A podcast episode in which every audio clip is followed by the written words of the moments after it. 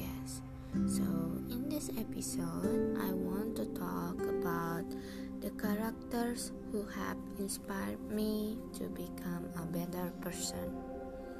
So, the first character or the first figure is Rowan Atkinson.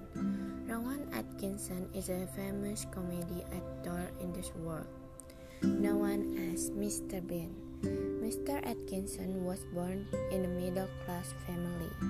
When he was a child, he had an unhappy childhood.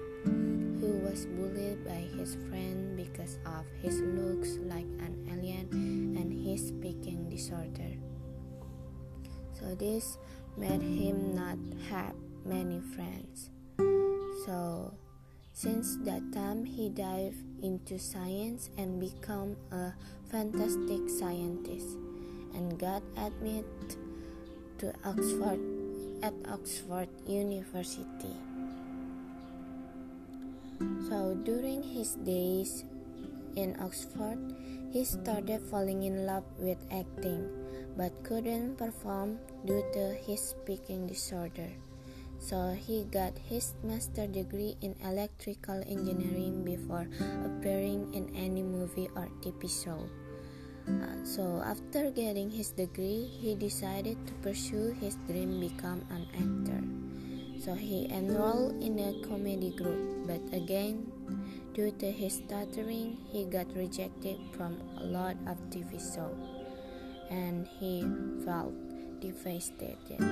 But he never stopped believing in himself because he knew that he has a great passion for making people laugh. So he started focusing more and more on his acting and soon realized that he could speak fluently whenever he played some character. Mr. Atkinson also created the strange, surreal, and non speaking character known as Mr. Bean. So, this character made him globally famous. So, despite all the obstacles he faced because of his looks and his stuttering, Mr. Bean or Mr. Atkinson proved that even without a heroic body and handsome face, he can become one of the most loved and respected, respected actor in the world.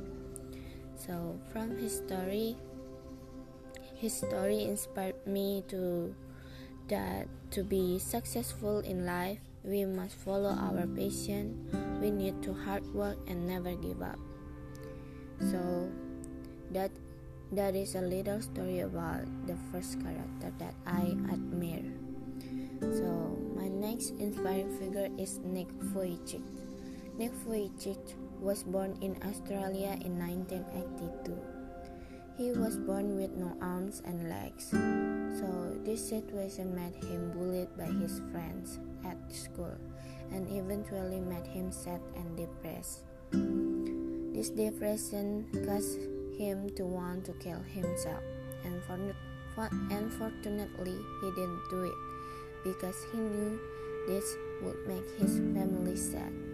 So he chose to be grateful for what he already has and made a goal to turn the walls in his life into doors and become a miracle for others.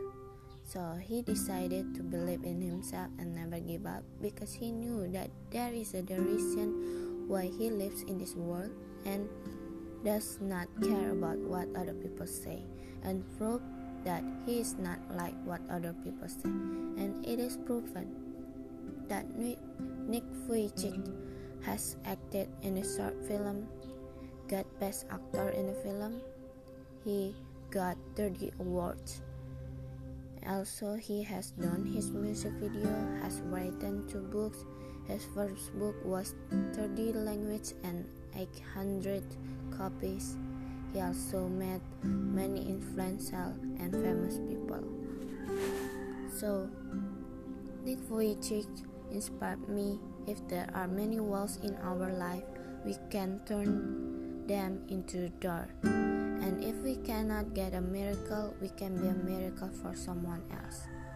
Also, never give up because there is a reason why we live in this world and never care about what people say because that only makes us feel down. So, I think that's all from me. If there are any mistake, I'm sorry. Thank you for listening. See you in the next episode. Bye bye.